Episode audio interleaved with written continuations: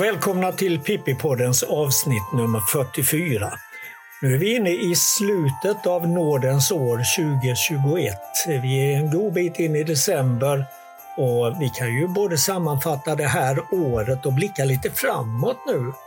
Vad tycker du har varit höjdpunkten under det här året? Ja, men det får man väl ändå anse att den här rubinäktergalen som dök upp i Vargön uppe i Västergötland är. Alltså det har ju aldrig varit någon fågel i Sverige som någonsin orsakat sån stor uppståndelse som den här rubinäktergalen. Det har ju varit så mycket folk som har tittat på den här och drömt om den genom alla år och det har tjatats om den här rubinäktergalen som alla ska få se, som ska hittas på Öland eller Gotland eller i Stockholms skärgård. Och så hittas den inne i ett bostadsområde i mitten av november i Västergötland. Det var väl lite oväntat? Ja, det var ju verkligen oväntat. Och samtidigt så var det ju väldigt roligt att den här fågeln stannade kvar. Den, den tror väl uppenbart att den är på sitt vinterkvarter. Den har flugit åt fel håll och flugit den sträcka den har inprogrammerat i sig. Och så slår den sig ner på ett ställe och så börjar den hävda vinterrevir där, eller födosöksrevir kanske man ska säga. Den sitter ju och sjunger emellanåt. I och för sig lite lågmält men ändå lite grann. Man kan jämföra det ungefär med rödhakarnas vintersång. Den talar nog om för andra rubinäktergalar att här är det upptaget. Det här området har jag mutat in. Den vet ju inte att det inte finns några andra rubinäktergalar. Bara den inte flyger tillbaka nu till Sibirien och berättar för sina kompisar att det finns massor med mjölmaskar och annat i Sverige på vintrarna att äta, då kan det nog bli en jobbig nästa vinter för de rubinäktergalarna. Det är ju faktiskt så att det är ett antal eldsjälar som stödmatar den här eh, rubinäktergalen eftersom det tidvis har varit väldigt kallt och snöigt där uppe i Västergötland. Och Klubb 300 startade ju snabbt en insamling där man kunde skicka pengar för att stödmata den här fågeln. Jag tyckte det var roligt. Sen kan man ju naturligtvis ha invändningar kring sånt, men andra fåglar kan ju också äta av de här mjölmaskarna. Ja, och det gör de ju också. Jag, jag var där alldeles nyligen faktiskt och eh, fick då se den framme vid den här matningen. Men där var ju också talgoxar och blåmesar och andra fåglar som smådde kråset och som stoppade i sig både en och två mjölmaskar. Men en, en, annan sak som var väldigt roligt med det här besöket då. Jag, jag, hade i och för sig gjort ett försök tidigare, redan den 20 november. Men då hade jag väldigt lite tid på mig. Jag hade bara möjlighet att stanna där i två timmar. Och just då syntes inte fågeln till. Så sen gick det ett par veckor och eh, när jag väl kom dit igen så var det ju inte den här jätterusningen. Men vi träffade några av de lokala fågelskådarna och pratade också med några andra från lokalbefolkningen. Och det här har ju varit ett sällsynt omfattande drag. Alltså under lång tid och med väldigt mycket folk och mitt inne i ett bostadsområde. Men det verkar som att det har bara varit roliga känslor. Inga hard feelings någonstans utan det var till och med någon i lokalbefolkningen där som sa att äntligen så har Vargön satts på kartan. Ja, verkligen. och det är kul. Men, men vi måste ju också fråga, vad är det som gör rubinäktergalen så sällsam, så karismatisk? Ja, men det är som en liten eh, trastfågel eh, som är ganska brun egentligen, men så har den ju som ett vitt kryss i plytet och så som den här röda rubinstrupen som verkligen lyser i solen när den vänder upp huvudet. Är den bortvänd så ser den ju nästan ut som, ja, kan påminna lite om en blåhake till och med. Om man ser den lite snett från sidan sådär bakifrån. Men så vänder den upp sådär och så har den ju sin häftiga sång och massa lockläten. Det är lite som att den är från eh, sagans värld på något sätt, den här eh, rubinäktergalen. Som att den inte finns i verkligheten egentligen. Och så hoppar den fram. Det är lite som att ett barn har målat den i skolan och så mm. ja, framkallar den ju så oerhört mycket känslor. Jag vet egentligen inte varför det just har blivit den här arten som det har, men det har tjatats och pratats om genom alla år. Det finns ja. ju även andra fåglar naturligtvis. Men, ja. men det har väl att göra med dess sällsynthet också. Kombinerat med att den har ett, ett vackert utseende. Ja. Eh, den är ju bara påträffad en gång med säkerhet tidigare i mm. Sverige och då var det ju ytterst få människor som fick se den. Och överhuvudtaget finns det ju inte särskilt många fynd i Nordeuropa av den här fågeln. Och det har ju bidragit till den här nimbusen som den har. Ja. Jag, jag tänkte på det du sa också om, om den röda strupen. När, när jag var och tittade på den så satt den ju och sjöng emellanåt. Och när den då spärrade upp strupen så var det nästan, och ljuset föll på strupen, så var det nästan som att det gnistrade om den. Mm. Det var riktigt häftigt. Alltså, det måste ju vara en rätt stark signal till andra, andra hannar av samma art. Alltså att det, det här lyser. Det, här är, det är inte bara sången som säger att här är det upptaget utan visuellt så, så talar den också om att här, här är jag. Helt klart. Helt klart. Och sen verkar den ju få den här röda strupen ganska tidigt också, för den här fågeln är ju inne på sitt första levnadsår. Så Mm. den verkar ju färga ut ganska snabbt då. Mm. Och sen de här mjölmaskarna som den äter. Jag läste då att för att mjölmaskar då ska fylla ut med sin energi och erbjuda lite protein till fågeln, då måste man ju helst mata de här mjölmaskarna med morötter eller kattmat eller någonting sånt för att de ska bli näringsrika. Men jag vet inte om det stämmer egentligen. Nej, jag, jag vet så pass mycket att när jag var tonåring så hade jag eh, först fåglar och sen hade jag reptiler i, ett, i en stor bur.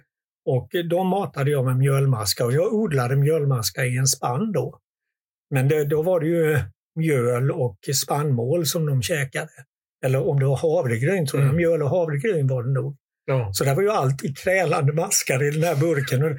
Det var ju inte så populärt eh, hos min mor och hos min lilla syster. De tyckte inte det var så kul att jag hade så mycket kryp där inne. Man måste tidigt börja odla intresset, vet du. Men eh, att, den, att man stödmatar den här rubinäktergalen, kan det innebära något negativt för den, tror du? Att den går upp för mycket i vikt eller andra risker? Nej, jag tror inte det. Det är nog inte värre med den än eh, annan fågelmatning. Alltså, tänk på all fågelmatning som vi har, alltså där fåglar kommer fram och, och äter i princip samma, samma föda varje dag. Mm. eh, rödhakar som vi kanske i viss mån lockar kvar genom att erbjuda dem mat. De flyttar inte utan de stannar för att här finns det tillräckligt med mat. De Ja. gör väl någon sorts kalkyl skulle man kunna tro. Och, och De här rödhakarna de äter ju i princip samma mat varje dag. Som jag har rödhakar i min trädgård, en på var sida av huset. Och de äter i huvudsak utav talgbollar. Innan jag glömmer bort det så måste jag också säga att från den här bygden där jag växte upp i Hultsfred i östra Småland. Där kommer ju delvis ett band som heter Livens ifrån. Och det finns en fågelskådare som heter Kenneth Rosén. Och de har ju skrivit en låt som heter På min altan som handlar om en rubinäktergal, att det sitter en rubinäktergal på min altan. Och den här låten skrevs ju för över 20 år sedan tror jag.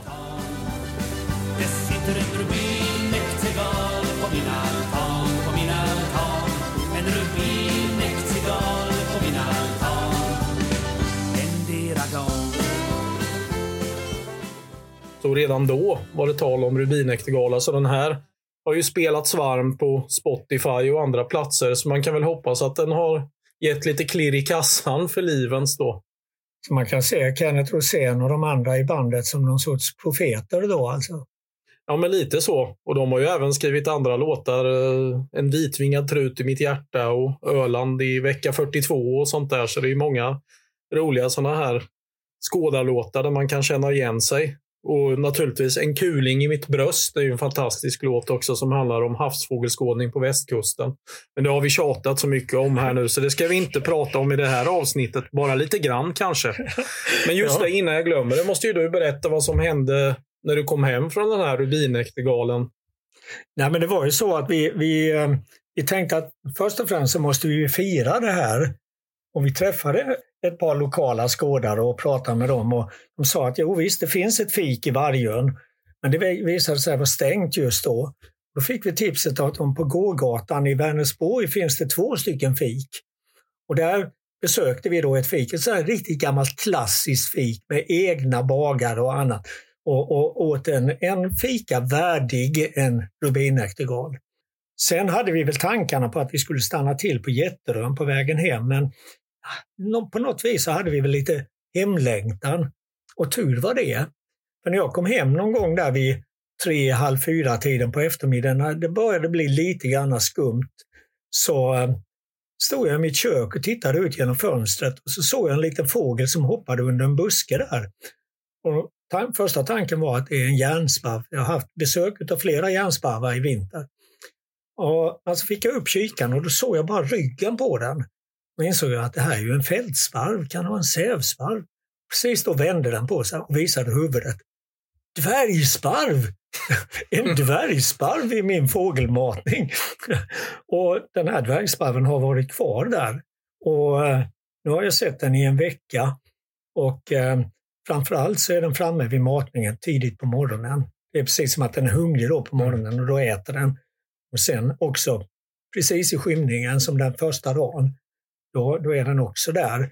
Sen kan den vara försvunnen mitt på dagen. Ibland är den framme mitt på dagen också, men oftast är den försvunnen då. Och det är ju väldigt udda alltså. Och det, det har ju varit väldigt roligt. Enda problemet är att man ser fågeln i stort sett bara inifrån mitt kök. Mm. Och den gångna veckan så har jag haft ganska mycket jobb att göra så jag har inte haft möjlighet att ta emot så mycket fågelskådare mer än precis tidigt på morgonen. Och sen har jag varit tvungen att sätta mig och jobba och då, då, då har jag fått ägna mig åt annat. Alltså. Ja, jag tyckte det var kul vid ett tillfälle när jag var där och såg den hos dig. Då en bergfink skrämde bort den vid ett par tillfällen. Men det var som att den ändå inte riktigt tog det på allvar utan hoppade tillbaka och Mm. fortsatte äta såna här små havreflarn och eh, solrosfrön eller vad det är den Mm. Och den Äter. äter framförallt eh, sönderhackade solroskärnor. Mm. Men då tyckte det var lite roligt att den här bergfinken försökte skrämma bort den. För bergfinken är ju precis som dvärgsparven en norrländsk art. Det var ungefär som att vad fasen gör du här vid den här fågelmatningen i mellersta Halland? Jag, jag ska vara här, inte du. Vi har, ju, vi har ju träffats upp i Norrland innan, du och jag. Mm. Dvärgsparven är ju egentligen in, inte en särskilt vanlig art i Sverige ändå, va, kan man säga. Nej, vi har ju ett litet häckande bestånd, framförallt i Tornedalen, men också i, eh, delvis i andra delar av Norrbotten. Men sen har ju berg, eller dvärgsparven ett väldigt, väldigt vidsträckt häckningsområde. Den finns ju genom hela Sibirien, ända bort till eh, Berings hav i stort sett. Ja, den kan ju lika gärna ha kommit därifrån. Ja, jag skulle ju tro det att detta är en felflugen individ, precis som rubinäktergalen. Ja. Att den har flyttat åt fel håll. Men det var ju enkelt. inte samma individ som ringmärktes i Grötvik, för den hade ju ingen ring. Det Nej. fångades ju en i början av oktober Ja. där och själva ringmärkardungen ligger väl drygt 700 meter från där du Mm, bor. det är inte så långt. Nej, den är, den är inte ringmärkt den här fågeln och eh, den ser lite annorlunda ut också. Den är inte riktigt lika klar i färgerna som Grötviksfågeln var. Nej. Sen på tal om bergfinkar så har jag ju läst att det uppträder massvis med bergfink, bland annat i Dalarna nu. Mm. Att det aldrig har varit så höga siffror under hela 2000-talet, säkert ännu längre tillbaka. Så det är, är ju lite intressant vad det kan bero på. Att det kan vara någon födobrist som det ofta brukar kunna vara längre norr kanske då. Ja, det verkar som att det är väldigt många som matar fåglar runt om i södra och mellersta Sverige, dit vi väl får räkna Dalarna, som har eh, gott om bergfinkar vid sina fågelmatningar. Jag har inte haft några jättemängder, utan, men det har varit en 10-15 stycken som har hållit till där. Ja. Sen är man ju avundsjuk på alla tallbitar som har dykt upp norröver och neråt Uppland och Västergötland. Men de vill inte riktigt komma ner till Halland. Vi behöver ju inte lipa så mycket för att vi hade ju väldigt mycket tallbitar här bara för två år sedan. Men det är ju otroligt häftiga fåglar att uppleva och höra och se. Och sidensvans har det ju också varit eh, Mm. dåligt med här. Eh, jag hade min första sidensvans nu den eh, 15 december tror jag. Och det känns ju också väldigt märkligt. De Mm. kanske har nöjt sig med att stanna där uppe. Det har varit så bärrikt Mm. uppåt Ja, men det, det är väl det som är orsaken att det är väldigt gott om bär fortfarande uppe i ja, stora delar av Norrland, Svealand och norra Götaland. Mm. Så de har inte behövt röra sig så långt söderut. Men det händer ju saker nu ändå. Jag har sett de senaste dagarna att det är väldigt, väldigt stora flockar med björktrastar och rödvingetrastar som drar söderut. Ja. Och det, har jag också lagt märke till just att det är så mycket rödvingetrast kvar fortfarande i mitten av december. Det känns intressant för det dök ju även upp en sån här bruntrast på Gotland nu nära färjeterminalen i Visby. Den satt där och åt bär. Den var där i ett par dagar. Men det här, den här vintern påminner ganska mycket om vintern, jag tror det var 2009-2010, som var ganska så kall men som också hade enormt mycket rönnbär. Och, och, jag vet att när vi genomförde det här Vinterfåglar in på knuten, den här stora fågelräkningen i januari eh, 2010, så var det väldigt mycket rapporter av både björktrastar och rödvingetrastar. Ja, en, åtminstone ända upp till Uppland mm. som var kvar, alltså fortfarande så långt in på vintern. Det, var också det, det året hade vi också jättemycket bokollon i skogarna. Och dagarna innan den här räkningen så kom det mycket snö, vilket innebar att eh, bergfinkarna lämnade bokskogarna och kom in vid fågelmatningarna i Sydsverige. Och plötsligt så seglade bergfinken upp och var den näst talrikaste fågeln vid matningarna det året. Ja, det är komiskt hur det kan bli.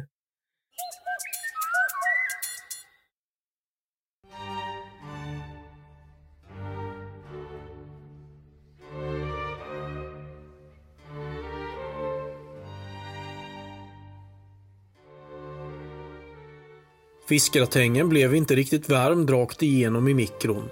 Men han orkade inte resa sig upp ur köksstolen för att värma på den lite till. Utan började vispa ihop allt med gaffeln och fick äta en ljummen lunch. Han tittade rakt in i väggen framför sig och tänkte att livet inte hade blivit som han hade tänkt sig. Jobbet var en katastrof. Det var inte hans grej att köra buss och dagligen bli utskälld av sura resenärer för att han inte anlände i tid. Arbetskamraterna var inte direkt snälla heller. På julfirandet fick han inte vara med, kom det fram i efterhand. Han hade inte blivit inbjuden. Varför? Förmodligen för att han bara pratade om fåglar och då om den senaste taxonomin hos världens petreller och skillnaden på lockläten hos juveltrastar i tropiska Asien. Inget annat intresserade honom. Fotboll, musik och att åka skidor och allt annat sånt där var totalt ointressant för honom. I skolan älskade han biologi och isolerade sig från sina klasskamrater. Ingen förstod honom. Han var inte mobbad direkt, men ingen pratade med honom. Ibland, där på skolgården, slogs han av tanken om sin egen existens. Han kanske inte fanns på riktigt. Åren gick. Det gick, med nöd och näppe, att genomlida skoltiden. Relationer då? Jo, han hade försökt. Varit på en hel del dejter. Men det var inte många som tyckte att en nörd var något att satsa på. Han fick förstås frågan vad han gjorde på fritiden och svarade att han skådade fågel, gjorde fågelresor och försökte vara insatt i den senaste fågelforskningen. Det lät ju intressant, sa dejten, samtidigt som hon tänkte har han inte något annat i huvudet än fåglar? Han gick hem från sina dejter som efterföljdes av exakt noll meddelanden och samtal från den han hade träffat. Mamma då? Ja, hon var mest upptagen med att resa runt i världen och skicka vykort. De sågs bara någon gång per år över en fika på stan. Då fick han mest kritik för att han inte tog tag i sitt liv. Villa, Volvo, ungar, katt eller hund var det som gällde i mammans värld för att han skulle anses duglig nog. I skådarleden gnälldes det mest på hans dåliga skådarutrustning en gammal kikare från Sovjetunionen och en tubkikare från Taiwan med synfält sämre än hålet i en toalettrulle. Men det fanns de som bara hörde av sig med frågor om artbestämningar. Det stannade där. Ingen av skådarna som hörde av sig med bilder ville följa med ut. Han fick skåda ensam. Alltid. Han kunde inte riktigt förstå varför. Han var ju inte otrevlig på något sätt. Visst var han rätt egen men det var ju världen som hade format honom från barndomens dagar, relationerna i vuxenlivet och arbetslivet. En dag hade han slutat misströsta och förlikat sig med ett liv i ensamhet. Det hade alltid funnits en glöd inom honom, trots svårigheterna i livet.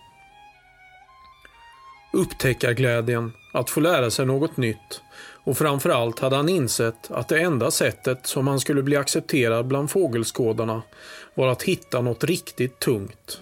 En megararitet.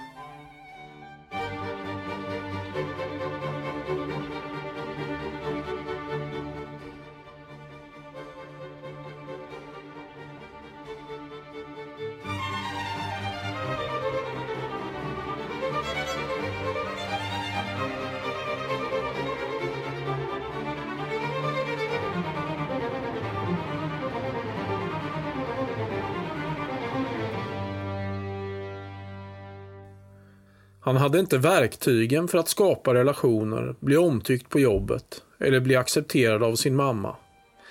Men han hade förmågan att hitta fåglar. Hans syn och hörsel var exceptionellt god. Han kunde höra korsnäbbar komma lockande över skogen två minuter före alla andra. Han kunde se en pilgrimsfalk för blotta ögat. De andra fick ta fram kikaren för att ens kunna se den. Det närmade sig jul en jul utan vänner och familj.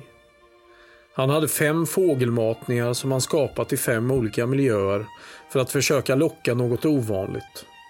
En långväga raritet. En superraritet. En matning låg in till huset där han bodde. Den andra vid en sjö. En tredje i skogen. En fjärde i jordbruksmarken och en femte in till en våtmark. Varje dag i ett par månader hade han besökt matningarna och lagt halva lönen på fågelmat. Det var allt från talgbollar, skalade solrosfrön, kokosfett, äppelhalvor, ostbågar till bananer och jordnötter. Han började se gulsparvarna, talgoxarna, koltrastarna, rödhakarna och domherrarna som sina enda vänner i livet. Gav dem olika namn, stod och väntade på att de skulle komma och äta.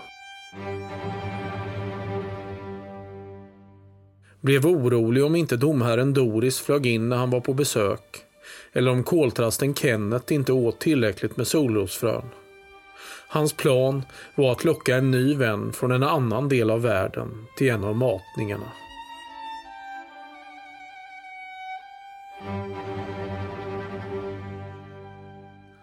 Under natten som föregick julafton var det 20 minusgrader.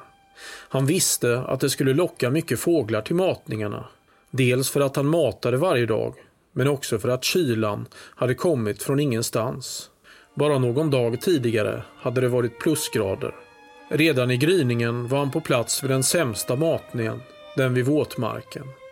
En järnsparv överraskade honom som inte hade varit där tidigare. Vid sjön var det ganska dött. Bara lite mesar och några koltrastar. Matningen vid jordbruksmarken gav i sedvanlig ordning mycket gulsparvar, fasaner och pilfinkar. I skogen var det fullt med fåglar. Hackspettar, mesar, finkar, trastar, trädkrypare och nötskrikor. Alla slogs om maten i den bistra kylan.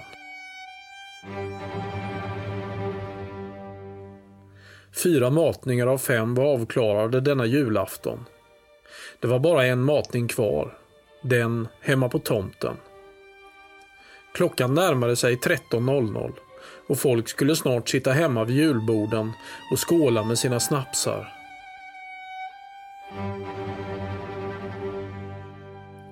Han öppnade dörren till huset och funderade på om han skulle ta en fiskgratäng eller lasagne den här julaftonen. Han slog på stort och värmde på en av varje. Han åt inte annan varmmat än de två rätterna. Temperaturen hade gått ner till 30 minusgrader och klockan var 13.45. Det var bara ljust i knappt två timmar till. Han tog fram sin värdelösa tubkikare och sin nästan lika dåliga handkikare för att spana ut på fågelmatningen. Fullt med bergfinkar, en handfull bofinkar och grönfinkar på marken. Två rödhakar som bråkade med varandra. Ett par skator och kajor som försökte jaga bort småfåglarna. En sparvhök försökte slå en gråsparv.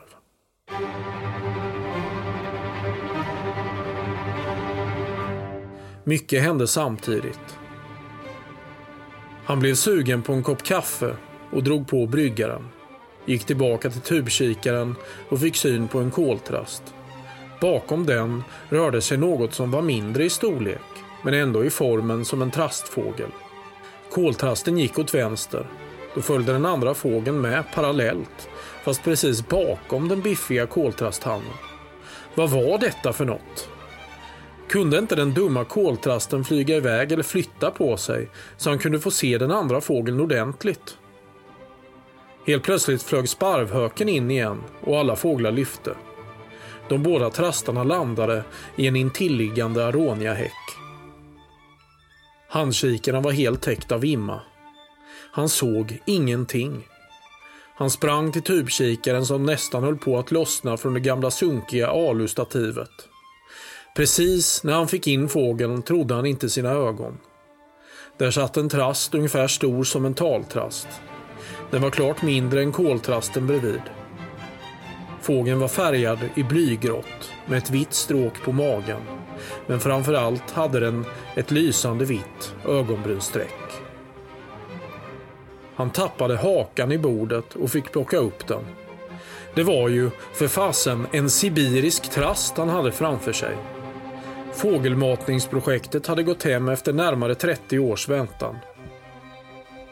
Han famlade runt efter mobiltelefonen för att försöka ta en bild genom tubkikaren. Men just då gick tuben i två delar.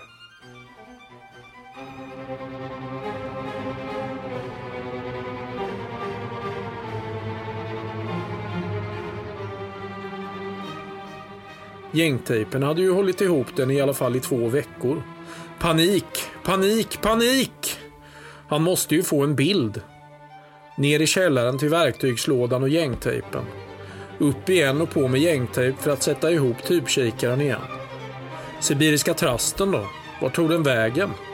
Den var inte kvar i aroniahäcken. Inte på marken eller i björkarna ovanför matningen. Det kunde inte vara sant. När en sån här sak händer får inga misstag ske. Han tänkte att inte ens när en raritet långt bort från Sibirien sitter på fågelmatningen kunde livet vara snällt mot honom. Han lade huvudet i sina händer och tänkte att nu var sammanbrottet nära.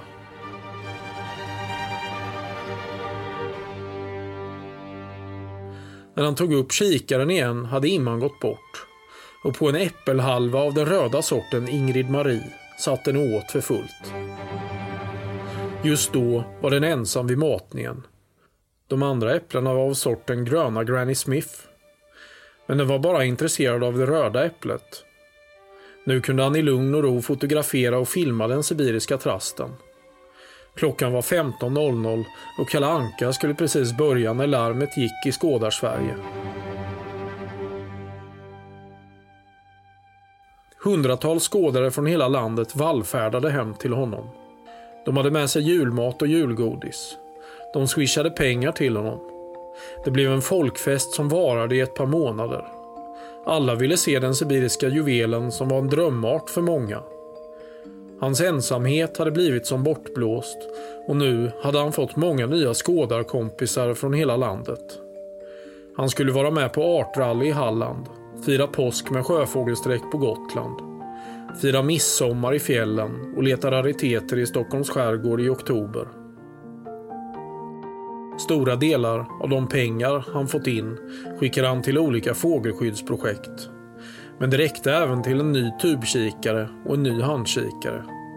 Ja, han kunde till och med byta ut sina gamla fönster och sätta in nya med brytningsfria glas. Vändningen hade äntligen kommit. Han behövde inte känna sig kass och värdelös längre. Det nya livet hade börjat. Allt tack vare en väldigt vacker fågel långt, långt bort ifrån.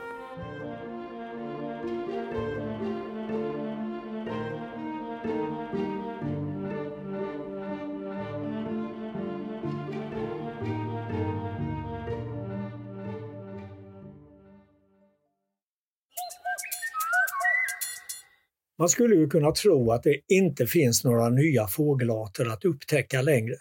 I alla fall inte andra än så kallade kryptiska arter. Och då tänker jag på sådana som är mycket lika andra fåglar men som ändå skiljer sig lite grann genetiskt.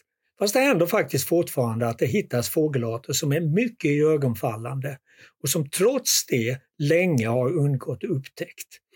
Ett exempel på det här det är en sydamerikansk tangara, alltså man kan kalla det en finksläkting, som har fått det engelska smeknamnet Kill Bill Tanager. Kill Bill, det är ju en film av Quentin Tarantino där Uma Thurman spelar huvudrollen som en hämnare klädd helt i gult med svarta detaljer. Och så ser också den här nya fågelarten ut. Den är knallgul med ett svart ögonbrynstreck och en rosa näbb. Lite grann påminnande om gamla världens gyllingar. Men trots det här i ögonfallande utseendet så dröjde det länge innan någon ornitolog fick ögonen på den. Den första, ganska hastiga skymten av den här fågeln fick två amerikanska ornitologer i oktober år 2000. De befann sig då på en bland fågelskådare ganska populär plats i sydöstra Peru. Och det här områdets fågelfauna det ansågs vara väl kartlagd. Men vid det här tillfället så hörde de båda en sång som de inte alls kunde placera. De lyckades spela in sången och spelade sedan upp den igen för att locka fram upphovet. Det lyckades och då fick ett kort skymt av den sjungande fågeln. Den här skymten var alltså kort, men den var tillräcklig för att den skulle fastna i minnet. En lysande gul fågel med ett svart ögonbrynsstreck och en rosa näbb. Helt skild från någon känd art i den här regionen. Tre år senare så var de båda tillbaka på samma plats tillsammans med en grupp fågelskådande turister. Och den här gången fick alla se fågeln riktigt bra. Det blev en mycket stor nyhet i skådarkretsar och den mystiska varelsen fick snart status som något av en legend. Det var också då som någon tyckte att dess fjäderdräkt förde tankarna till Uma Thurman i filmen Kill Bill och den fick alltså smeknamnet Kill Bill Tanager. Nästa genombrott kom i december 2011, mer än 30 mil bort i nordvästra Bolivia. Jag hörde en annan ornitolog en sång som visade sig komma från den mystiska Kill Bill Tanagan. Och det området hade också undersökts ganska noga tidigare, men enbart under torrperioden. I december var det regnperiod och det visade sig att den gula fågeln faktiskt var ganska vanlig i området. Flera individer satt och sjöng från högt belägna platser på åsar ute i skogen. Och äntligen hade man alltså hittat en population som kunde studeras. Och sen har grupper av amerikanska och bolivianska ornitologer besökt området vid flera tillfällen för att samla in mer information om den helt förföriska fågeln. Bilden har klarnat. Då har det också visat sig att den här nya tangaran den är så distinkt genetiskt att den inte har några egentligt nära släktingar. Den har placerats i ett helt nytt släkte med det vetenskapliga namnet Heliotropis. Och det betyder ungefär soltangara och det återspeglar både fågelns gyllene färg och dess förkärlek för soliga torra skogar uppe på åsar. Och dess nu accepterade engelska namn är Inti Tanager. Inti är ett gammalt inhemskt ord för solen som fortfarande används i Cueca och Aymara-språken i den här regionen. Så kan det gå.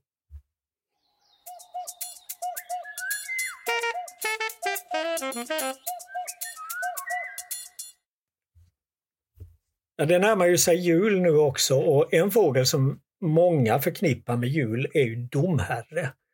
Och innan vi går in på domherren som julkortsfågel så måste jag fråga dig en sak. Och det var att jag för en tid sedan läste att även domherrehonan sjunger. Har du hört det någon gång? För det slog mig att det har jag aldrig hört. Nej, inte vad jag vet. Jag tycker att det är ganska svårt att få tag i domherrar på våren och sommaren när man går i skogen. Alltså, man kan ju höra sången eh, vid sällsynta tillfällen men oftast hör man ju bara när de pjuar och flyger mm. förbi. Sådär. Ja. Så det, Nej, de är ju anonyma stora delar av året tycker jag. Ja, fast jag minns från våra atlasinventeringar som vi har genomfört här i Halland, alltså både då på 1970 och 80-talet och nu i början på 2000-talet, att när man var ute i skogen på vårvintern så hörde man ibland sjungande domherrar.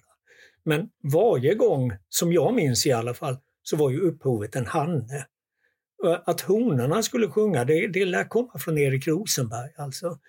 Det måste ju betyda att honorna i så fall har någon sorts ja, revirmarkering, alltså för ett födosöksrevir eller något sånt. Men, men vi kanske ska uppmana våra lyssnare att bringa lite klarhet i det här. Om det är någon som har lite bättre koll på det, sjungande domherrehonor, Mm. så, så får ni gärna höra av er till Pippipodden. Gör gärna det. Mm. Men sen är det ju det här med domherren som julkortsfågel. Och där kan man ju också ställa sig frågan, har du någonsin sett en domherre i en havrekärve? Nej, det har jag väl aldrig gjort. Vad ska de göra där? Ja, ja, men ska man tro Jenny Nyström som är den här stora julkortskonstnären vi har i Sverige så var det ju inte alldeles ovanligt förr i alla fall. För det är ju vi, på flera utav hennes julkort och andra julmålningar så sitter det domherrar i en havrekärve eller så kommer de flygande mot havrekärven. Hon kanske tyckte att eh, de passade bra där eftersom det blir en sån fin kontrast mot det här guldfärga, guldfärgade och så sätter det sig någonting rött och någonting grått i det där och sitter och tjattrar lite. Jag vet inte. Men det kommer ju en artikel nu i Vår Fågelvärld med hennes julkort. Jag har faktiskt inte hunnit läsa den än men eh, jag ska ta tag i det. Mm. Nej, men det är ju just domherrar på flera utav de här tillsammans med vad som förefaller vara talgoxar och kanske gråsparvar. En annan grej jag tänkte på med domherrar är ju i samband med ringmärkning så lär man ju sig hur man ska hantera fåglar. En del har ju väldigt sådär eh, kraftfulla på något sätt, alltså starkare ben och kroppar på något sätt. Eh, det varierar mellan olika fågelarter.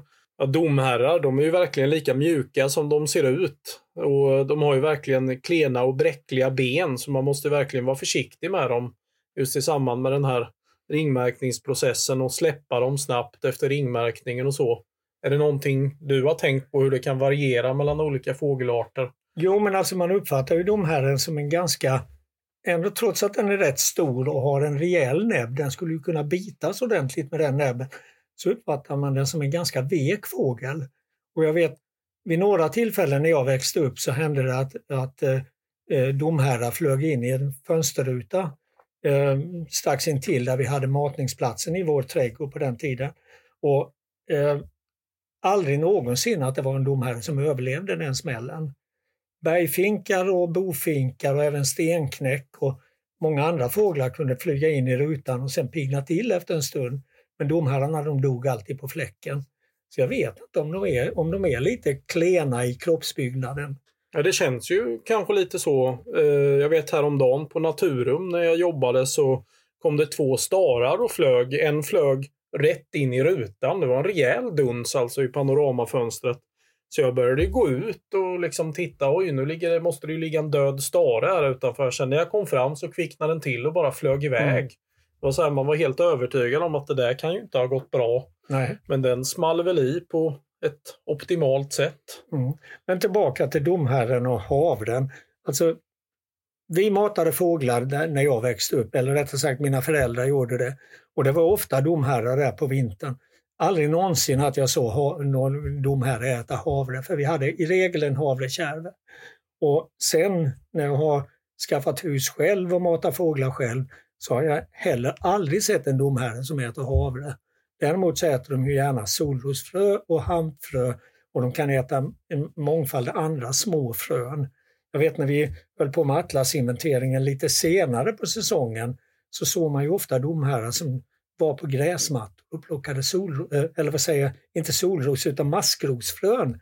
De här små fröna, de åt de gärna. Mm. Och, och det var ett rätt bra sätt att konstatera häckning av domherre för att många gånger så hade de med sig ungarna ut på den här gräsmattan när de plockade maskrosfrön. Ja, jag upplever det som att de kan ju sitta och äta på både fågelmatningar med solrosfrön men även på marken, Mm. domherrar.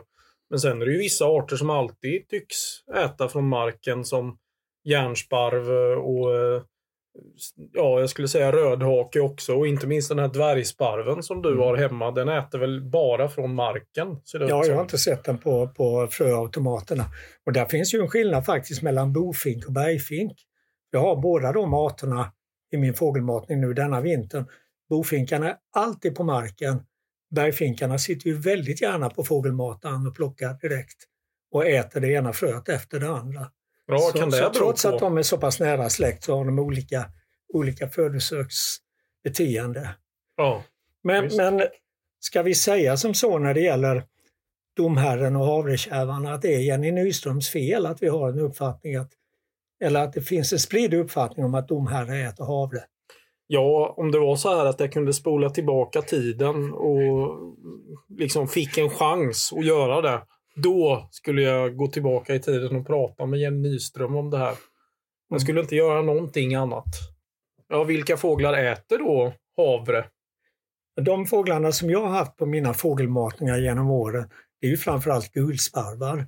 Men också gråsparv, pilfink och jag har sett när det ramlar ner havre på marken så eh, både ringduvor och fasaner plockar gärna i sig havrekärnor då. Ja. Men jag, jag har som sagt aldrig sett en domherre i havrekärr.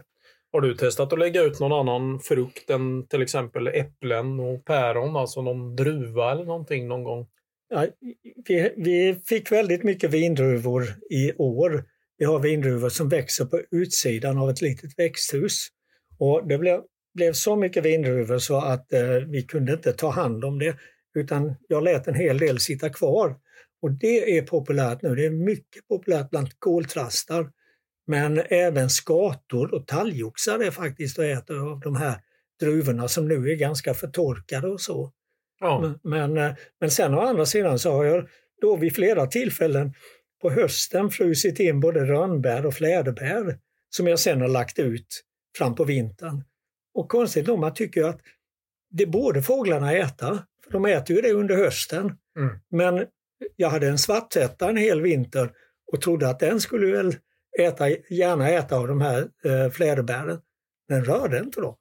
Den, de hade tappat smak tyckte den kanske. Ja, jag vet inte. Jag vet inte vad det var, men den, den rörde inte dem. Och, och rönnbären har legat där på marken, suttit koltrastar och björktrastar och tittat på dem och så har de ätit ut äpplena istället. Nej, På tal om andra matningar, man kan ju mata änder. Många gör ju det med bröd och kakor och annat. Men man ska ju kunna mata dem med sallad och vindruvor också. Man kanske skulle gå ner till Nissan här med en klase vindruvor och se om gräsänderna blir galna av det. äta. Ja, jag tycker nog att ska man överhuvudtaget mata änder så ska man göra det med, med spannmål eller med havregryn eller någonting sånt. Men inte med Ja. bröd då kanske? Eller? Nej, ju mindre förädlat det är desto bättre tror jag. Eh, Jag tror inte i och för sig att bröd är sådär jättefarligt för fåglar att äta.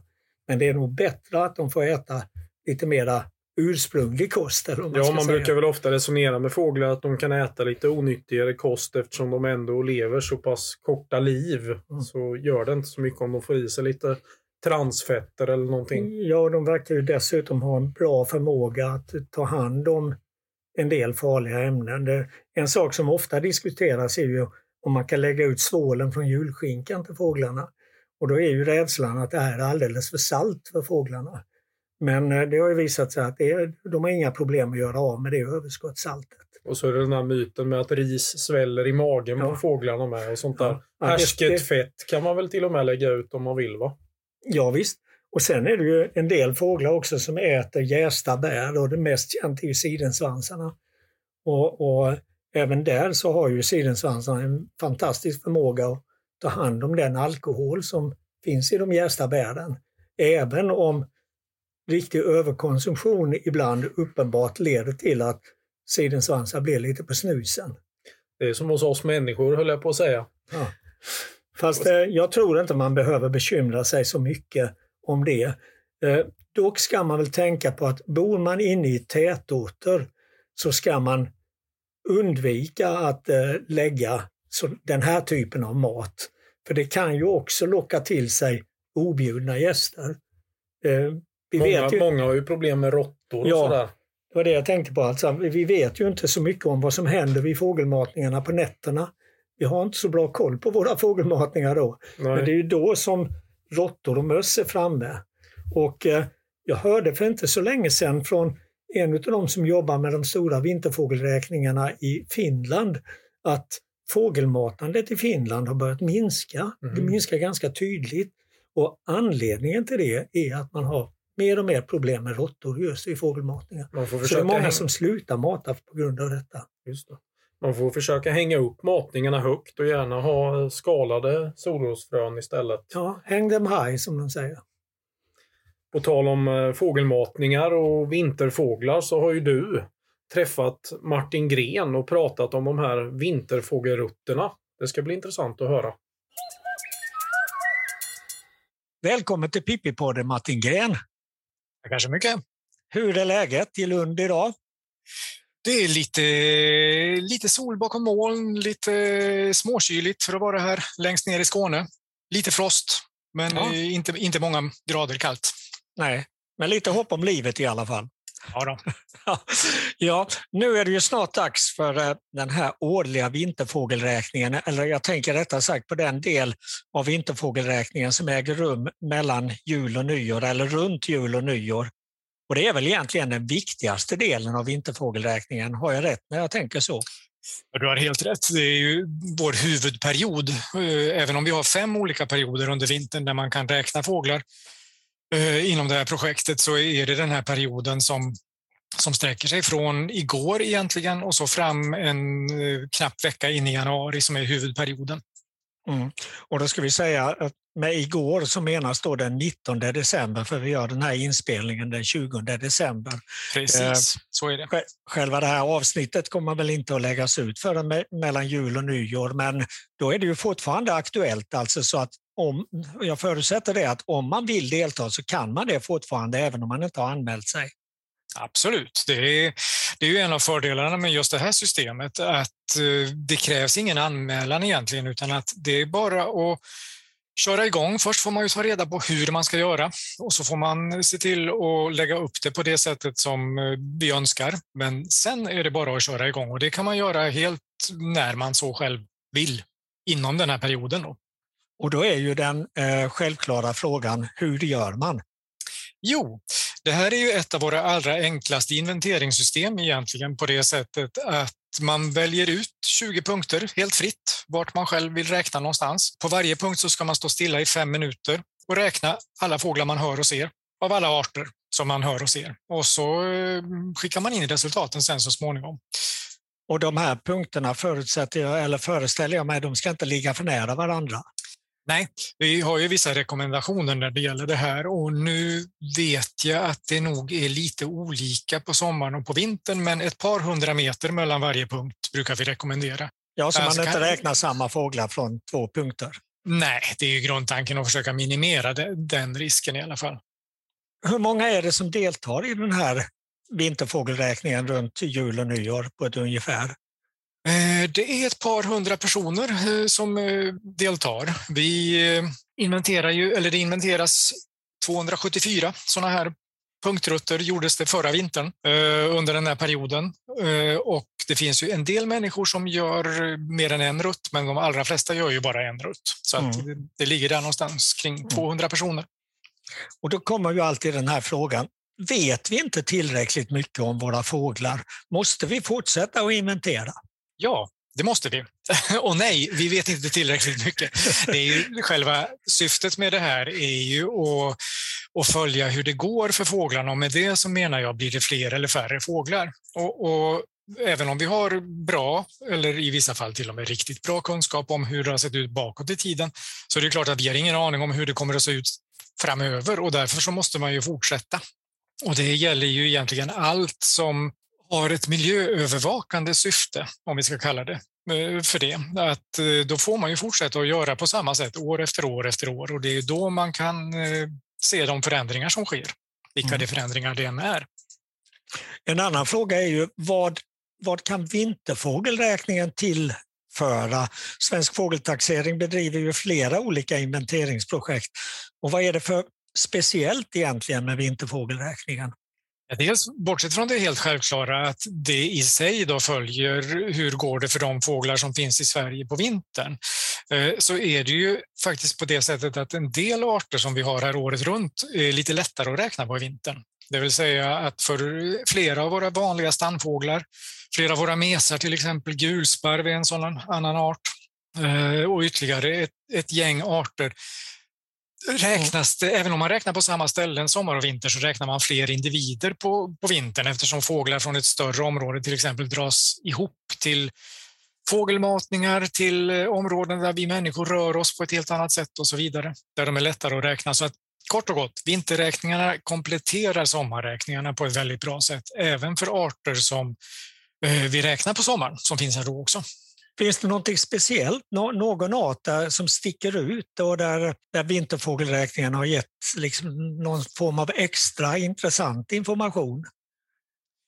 Det finns ju en och annan art där sommarinformationen är ganska, ganska svag, eh, om vi ska uttrycka det så. Det vill säga att det blir inte så många fåglar som man ser i de sommarsystem vi har. Jag kommer att tänka på strömstad, är ju till exempel en sån art. Där eh, de sommarinventeringar som vi har gjort, eh, visst det räknas en och annan strömstare men det är inte många, men på vintern räknas det betydligt fler strömstarar. Sen har man ju den nackdelen då kanske då om man är specifikt intresserad av de strömstarar som häckar i Sverige att eh, en del av de strömstarar som finns i Sverige på vintern kommer ju inte från Sverige, eller häckar inte i Sverige ska jag säga, utan häckar i Norge till exempel. Så att det får man ju leva med. Men, men strömstar är en typisk sån art där vinterinformationen väger väldigt tungt i vår kunskap om blir det fler eller färre. Jag har själv gjort en, en vinterfågelrutt i Västergötland de flesta år mellan jul och nyår. Och, eh, det är två saker som har slagit mig på den rutten. Det ena är att fåglarna är väldigt koncentrerade till bebyggelse. Av mina 20 punkter så ligger väl 10 punkter i alla fall i närheten av bebyggelse. Och det är där jag ser fåglarna. När jag är ute i skogen så ser jag eller hör jag nästan ingenting. Det kan vara alldeles tyst där. Och det, det, det, det där får ju mig att fundera över, finns det någon som gör en sån här vinterfågelrutt som i princip inte ser och hör några fåglar alls? Ja, det finns faktiskt det. Även om det, det som du nämner där, det, det, gäller ju i stort över hela landet, men det blir ju ännu mer påtagligt kanske om vi kommer uppåt landet en bit. Men trots det så finns det inte så många, men enstaka personer som ger sig ut i skogen, räknar sina 20 punkter och eh, kommer hem och kanske en bra dag har sett tio fåglar eller bokfört tio fåglar. Och de allra flesta punkterna har det inte varit en enda fågel alls. Och vi har faktiskt några enstaka inventeringstillfällen i den här långa serien. Då. De här punktrutterna på vintern har pågått sedan 1975 och vi har några tillfällen där Människor har varit ute och räknat 20 punkter, fem minuter på varje punkt och inte bokfört en enda fågel. Det där är ju rätt imponerande. Vilken, vilken sisu! ja, då, det, det, krävs lite extra pannben för att göra de, de inventeringarna. Det, så är det såklart. Ja, ja, naturligtvis. Och på den här rutten som jag har i, i Västergötland, där, där har jag också som du nämnde tidigare om Strömstaden, den har jag sett där på några ställen. För en av punkterna, det får jag väl erkänna, den la jag faktiskt ut med tanke på att ja, här ska jag se Strömstad. Men det, det, är långt ifrån alla år som den är där.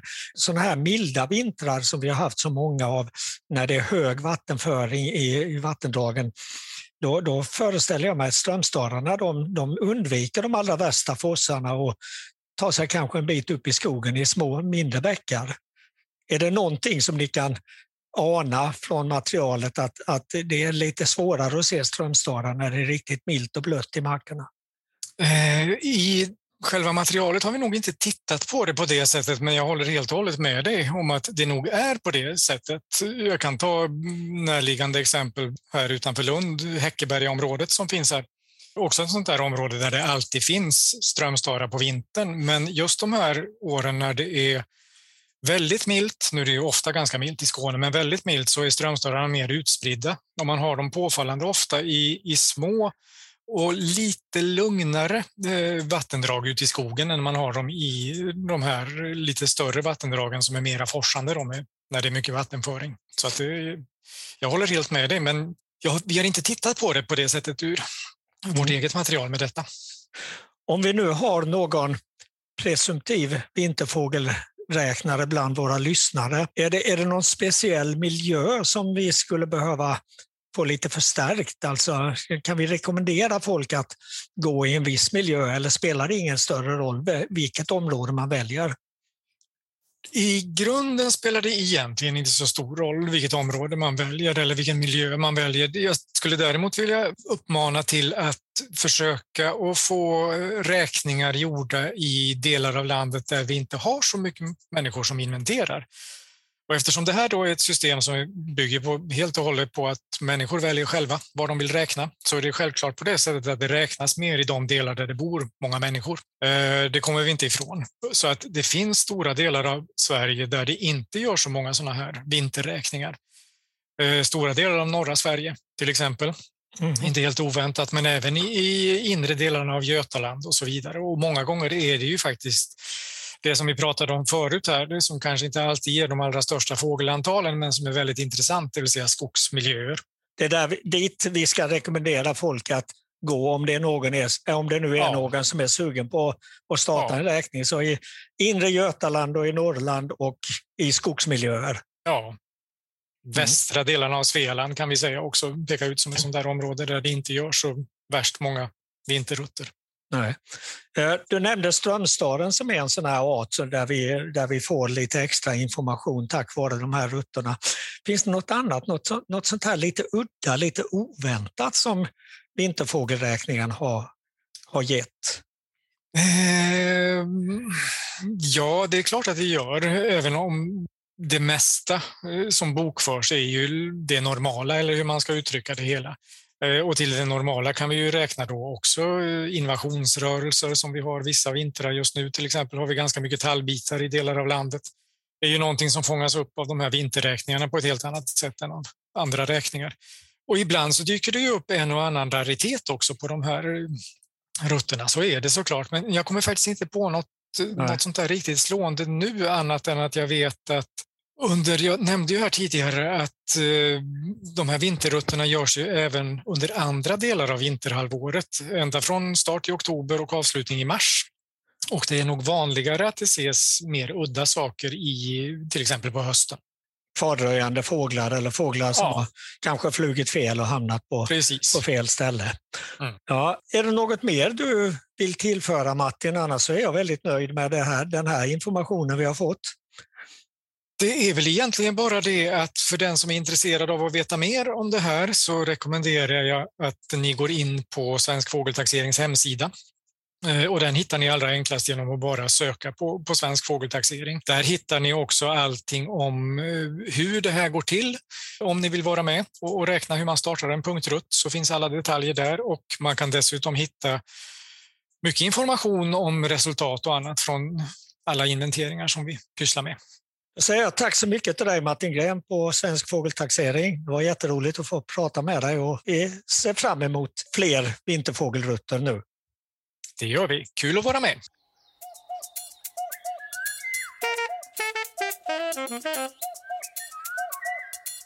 Ja, ett nytt fågelår står för dörren. Vad ser du fram emot nu när vi vänder blad så att säga?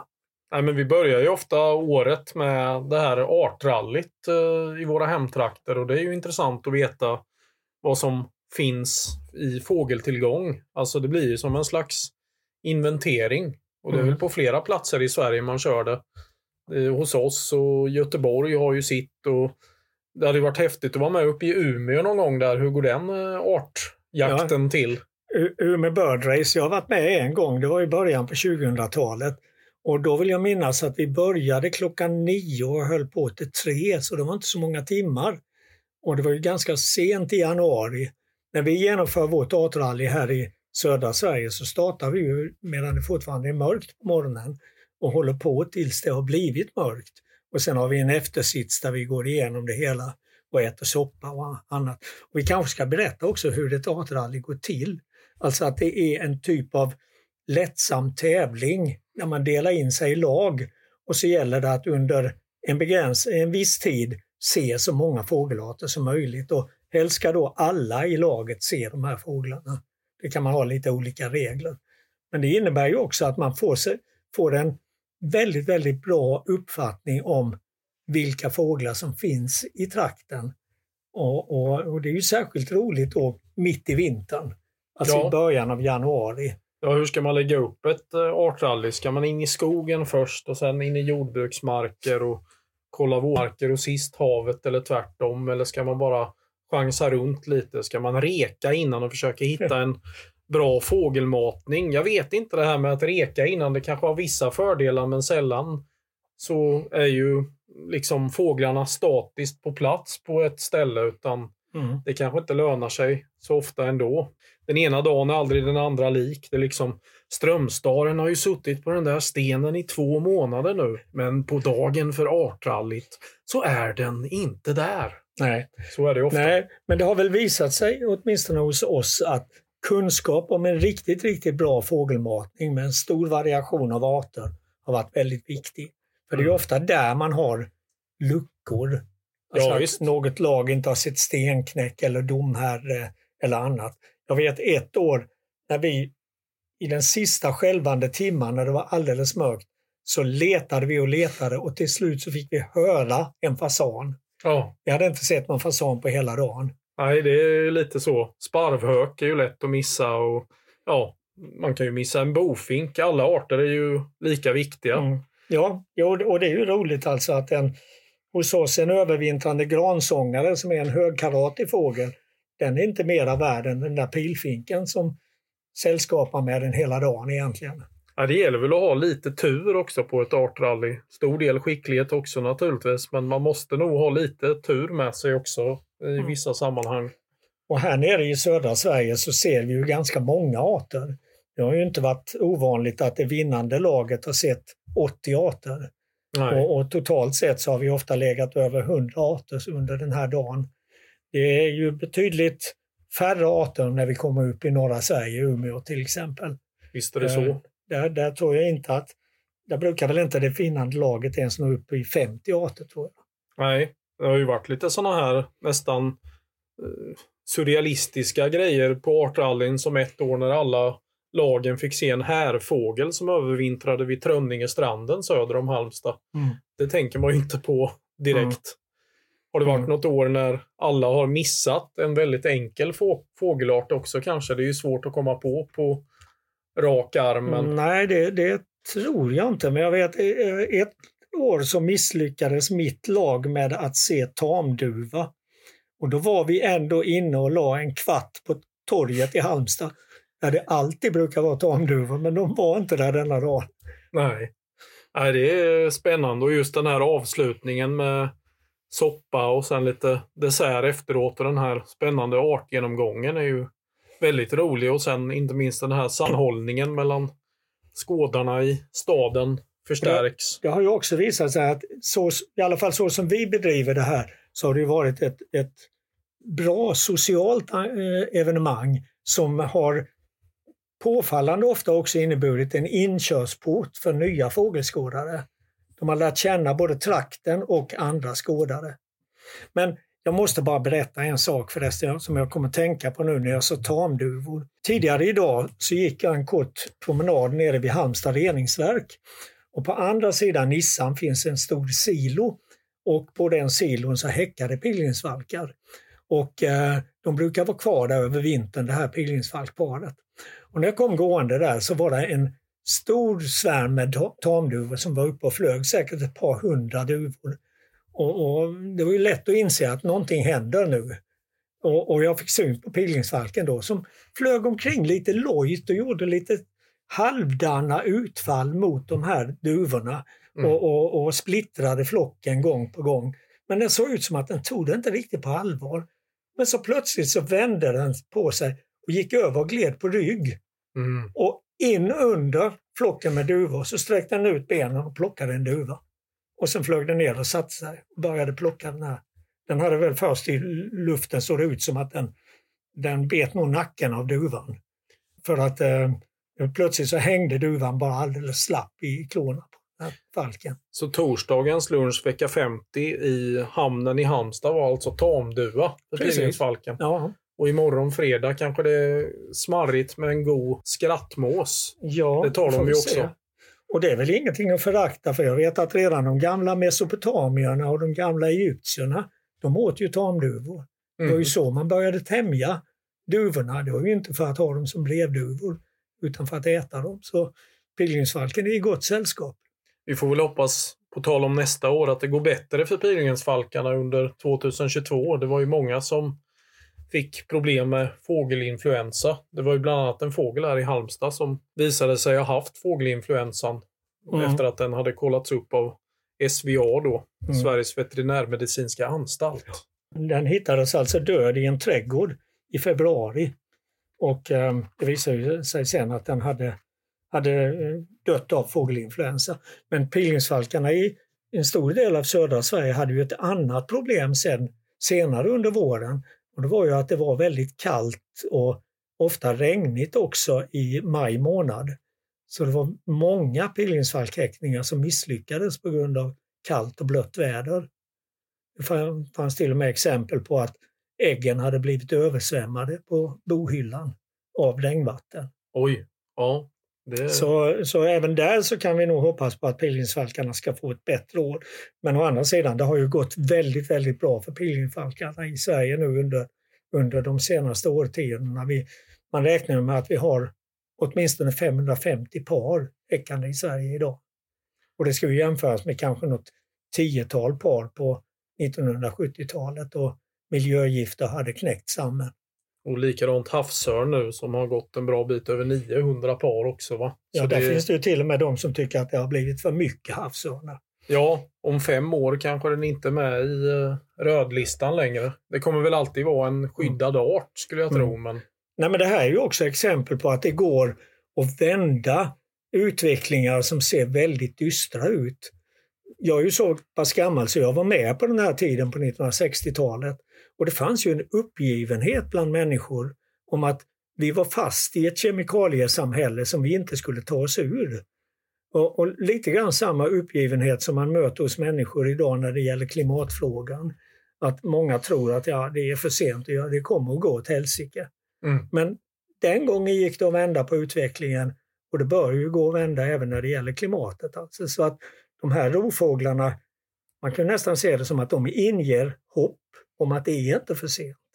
nej, och det kan ju gå väldigt fort också. Vi ser ju svarthakad buskskvätta och brandkronad kungsfågel och toppskarv i Halland till exempel. Bara hur det varit under en 5-10 årsperiod. Hur de ökat explosionsartat alltså. Vi stod ju ute i Bussör häromdagen och hade över 100 toppskarvar som flög förbi. Den var ju alltså vanligare än storskarv då. Det var ju knappt någonting man kunde drömt om bara för 10 år sedan. Nej, Nej förändringarna kommer snabbt alltså. Och, men, men, men som sagt, jag, jag tycker att om man tittar på fågelvärlden och hur den förändras så finns det ändå skäl att ha en viss, ett visst hopp för framtiden. Att det, det går att göra saker som ser svåra ut. Det är inte för sent. Och med de orden så önskar vi er en god jul och ett gott nytt år 2022. Ja, visst, god jul och ett gott nytt fågelår.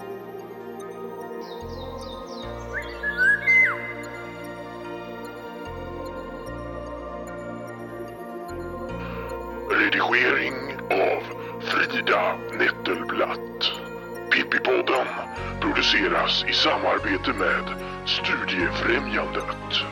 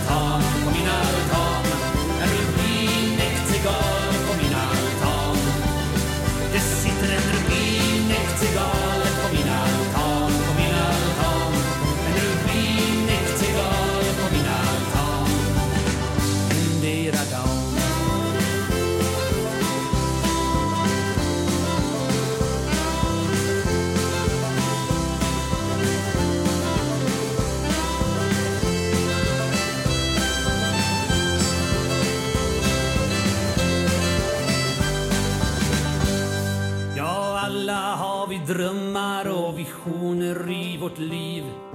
Många drömmer om pengar och guld med stora kliv. Min önskan är dock enkel, för fågeln dock fatal. Att den flyger vilse ända hit från Ural. Det sitter en rubinektigal på min altan.